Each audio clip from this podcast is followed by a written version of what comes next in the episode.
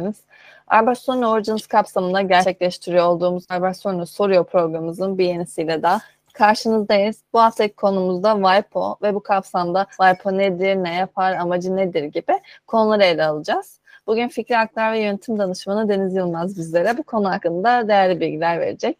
Deniz Hanım bildiğiniz gibi kanalımıza o bol bol katılıyor ve bir sürü değerli bilgi aktarıyor. Deniz Hanım tekrardan hoş geldiniz. Hoş bulduk Şevval Hanım. Teşekkür ediyorum. Biz çok teşekkür ediyoruz tekrardan bize eşlik ettiğiniz için. Az önce de dediğim gibi WIPO'dan bahsedeceğiz. Sizlerden WIPO'nun ne olduğunu öğreneceğiz. Ee, direkt tanımla başlayalım isterseniz. Dünya Fikri Mülkiyet Örgütü yani WIPO nedir? Temel amacı nelerdir? Tam olarak ne yapar? Bize bahsedebilir misiniz? Ee, tabii Şevval Hanım. Ee, aslında biliyorsunuz çokça kez de konuştuk sizin de dediğiniz gibi WIPO e, dediğimiz sistem Madrid sistemi olarak da hani bilinir, konuşulur. E, Dünya Fikri Mülkiyet Örgütü aslında bizim e, konularımız için yani marka tescil etmek, yurt dışında markamızı tescil etmek anlamında aslında bir e, sistem olarak ele alıyoruz. Biz de bugüne bugüne kadarki videolarımızda e, yazılarımızda hep yurt dışı marka başvurusu yapmanın, yurt dışında markamız için tescil almanın bir yolu olarak, bir sistemi olarak anlattık WIPO'yu. E, ama tabii ki bu e, bir e, kuruluş ve e, bu Dünya Fikri Mülkiyet Örgütü çok aslında eskilerden gelen tarihi e, 1883 yıllarına kadar dayanan bir örgüt. E, Dünya Fikri Mülkiyet Örgütü Türkçe adıyla WIPO'nun e, Türkçe'ye çevrilmiş. WIPO'nun açılmış açılımı e, World Intellectual Property Organization. E, amacı da ülkeler arasında bir e, işbirliği ortamı yaratarak fikri hakların, sınai hakların korunması ve e, korunmasına ek olarak da tabii ki bu haklara saygı gösterilmesi, gereken önemin verilmesi, e, haklarımızın kapsamı, e, önemi, bizlere faydası, bunları anlatmak, bunları sağlamak amacıyla kurulmuş bir örgüt. Ee, Dünya Fikri Mülkiyet Örgütü 1970 yılında kurulmuş. Biraz tarihinden de bahsetmemiz gerekirse ve e, dediğim gibi aslında tarihi 1883 yıllarına dayanan, e, 1883 yılında imzalanan endüstriyel hakların e, korunmasına dair Paris Konvansiyonu ve 1986 1886 yılında imzalanan edebi ve sanatsal e, eserlerin korunmasına dair Bern Konvansiyonu e, kapsamında aslında bu iki uluslararası e, konvansiyonun birleşimi ve her ikisinde bünyesinde bulunduran bir e, sekreterya. Yani bu iki konvansiyon bir araya gelerek ve her ikisi de bünyelerinde e, Dünya Fikri Mülkiyet Örgütü'nün babası olarak kabul edilebilir nitelikte diyebilirim. Bu fikri hakların daha etkin bir biçimde korunmasını sağlamak amacıyla oluşturdukları bir örgüt e, bir sekreterya Dünya Fikri Mülkiyet Örgütü de bunların sonucunda bu oluşumların sonucunda ortaya çıkmış bir ürün diyebilirim. E, biraz tarihinden bahsetmem gerekirse. E, dediğim gibi kuruluş amacı da fikri hakların dünya çapında korunması. Hukuki ve e, idari yönden e, çok taraflı anlaşmalarca bu fikri hakların düzenlenmesi, bu birlikteliğin sağlanması görevinde e, daha böyle mevzuatı, e, kapsamı, e, koruma şekli, e, prosedürleri bakımından uluslararası bir kurallar e, silsilesinin oluşturulmasına yoğunlaşan bir örgüt. E, daha yani en basit haliyle bu şekilde anlatabilirim.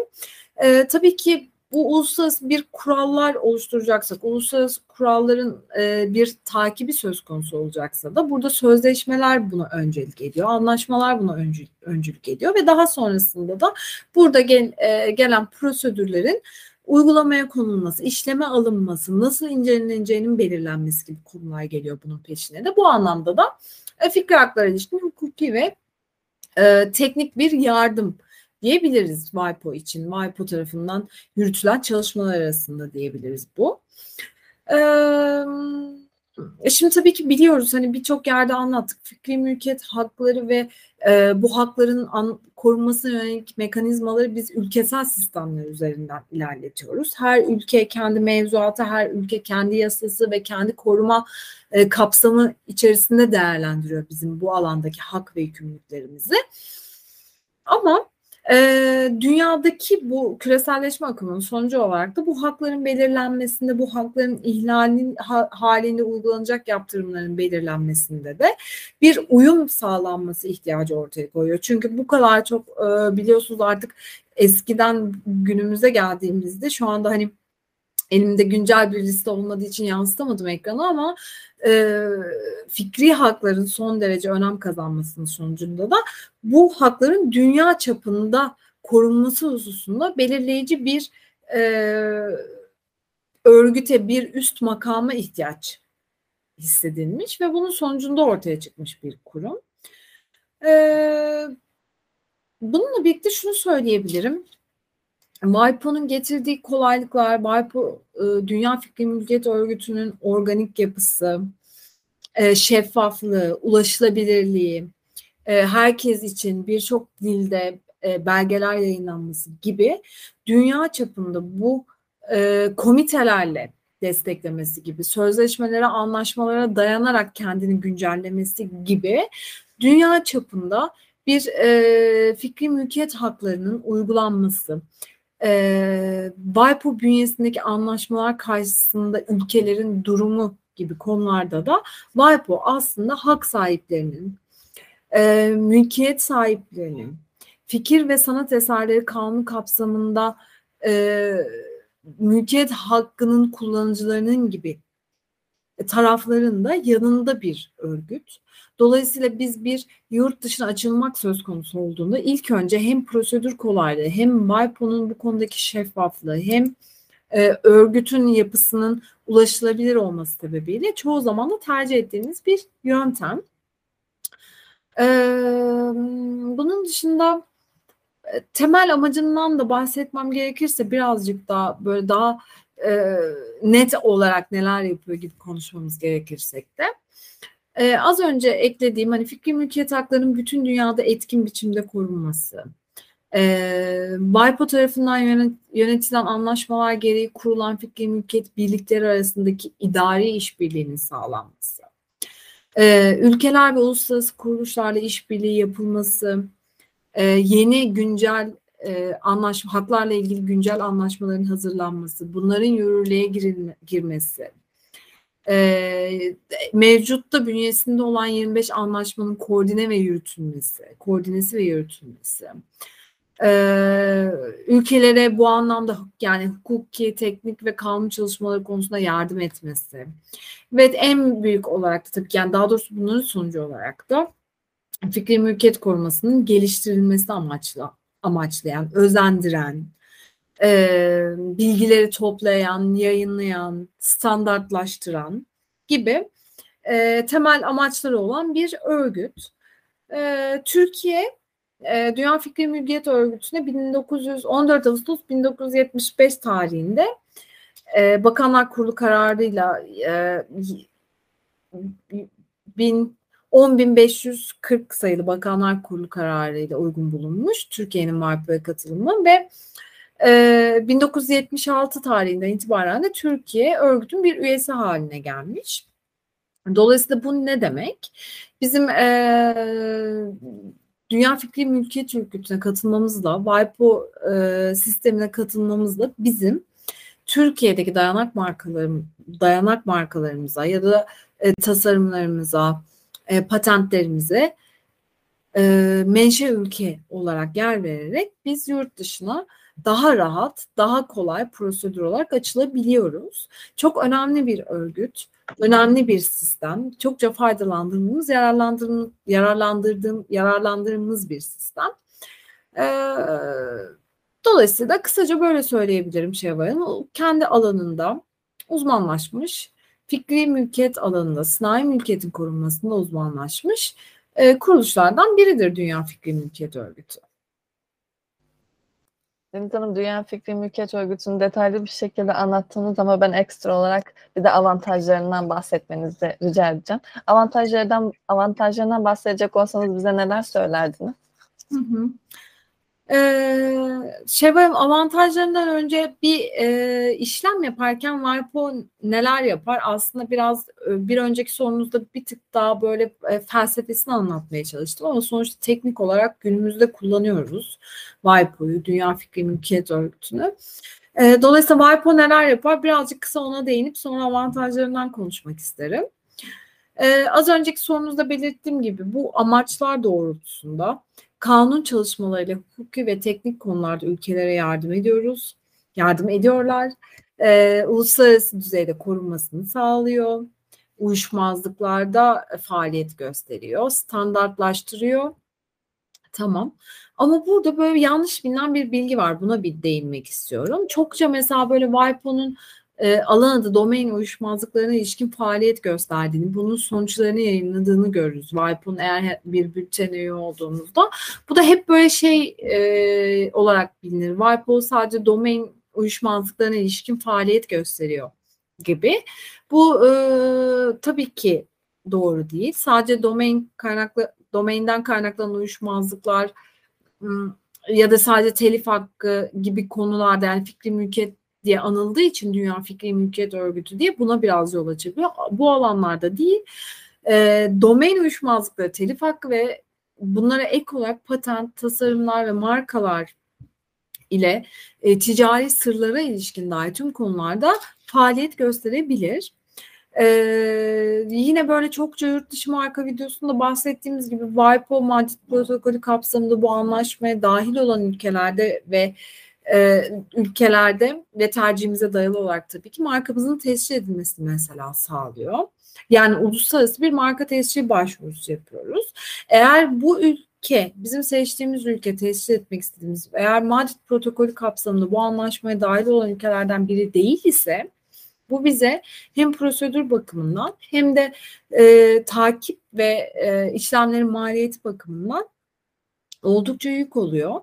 Tabii ki tercih edilebilir. Tabii ki sisteme üye olmayan ülkelerde zaten başka bir şansımız kalmıyor. Dediğim gibi bunları çokça konuştuk ama eğer e, Madrid protokolü kapsamında WIPO'ya dahilse biz markamızın tescili için e, WIPO'yu seçerek aslında prosedürlerimizi, maliyetlerimizi, işlemlerimizi daha kolay takip edebiliyoruz. Dolayısıyla uluslararası anlamda standartlaşmak demek e, online veri tabanlarından kontrol edilebiliyor olması gibi konularda WIPO oldukça etkin ve e, tercih edilen bir yöntem. Avantajları da e, yani değerlendirmek gerekirse diye konuşmak istiyorum biraz açıkçası. Çok fazla avantajından bahsettik ama e, şöyle mesela düşünebiliriz. Biz tamam Türkiye'den dayanak alarak kendi markamızı yurt dışına e, çıkartıyoruz ve bunun ne kadar avantajlı olduğunu tüm yurt dışı marka tescil süreçleri ve az önce de birazcık bahsettiğim gibi avantajlarından hep faydalanıyoruz WIPO'yu kullanarak ama bir de işin şöyle bir tarafı var. Yabancı başvuru sahipleri de yine biz Türkiye olarak Madrid sistemine dahil olduğumuz için Madrid sistemini kullanarak Türkiye marka başvurusu yapabiliyorlar.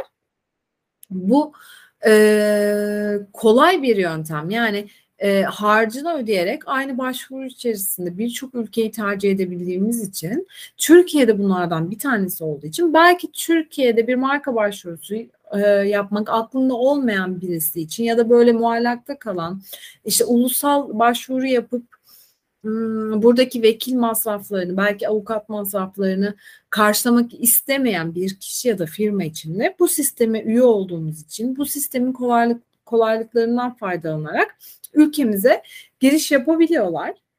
Bu nasıl biz yurt dışına çıkarken bu sistemin avantajını kullanıyorsak aynı şekilde onlar da e, ülkemizde haklarını korumak istedikleri zaman Madrid sistemini e, başlıca yol olarak kullanılıyor. Gerçekten şöyle Türk Patent ve Marka Kurumu'nda bir e, araştırma yapılıp e, incelenmek, ilgilenenler incelemek istenirse, isterse gerçekten e, çok az sayıda ulusal e, marka başvurusu görüyoruz. Tabii ki var ama hani böyle bir oranladığımızda genelinin e, Madrid aracılığıyla geldiğini görüyoruz biz de.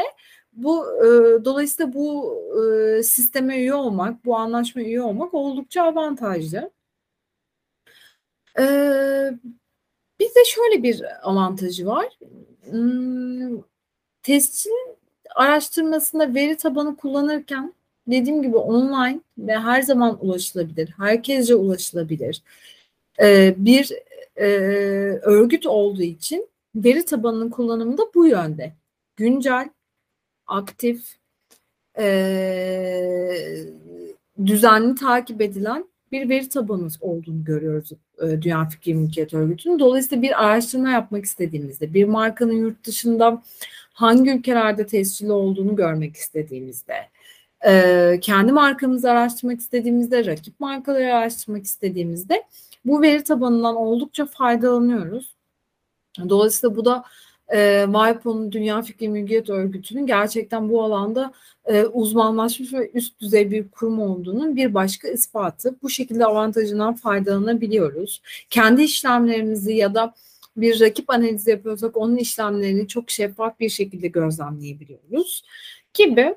E, kısacası Dünya Fikri Mülkiyet Örgütü hem e, yapısı bakımından hukuki ve teknik destek alabileceğimiz anlamda hem de bir başvuru yöntemi olarak, e, hak sahibi olma yöntemi olarak yurt dışına açılmak istediğimizde kullanabileceğimiz bir yöntem olarak oldukça avantajlı bir sistemdir.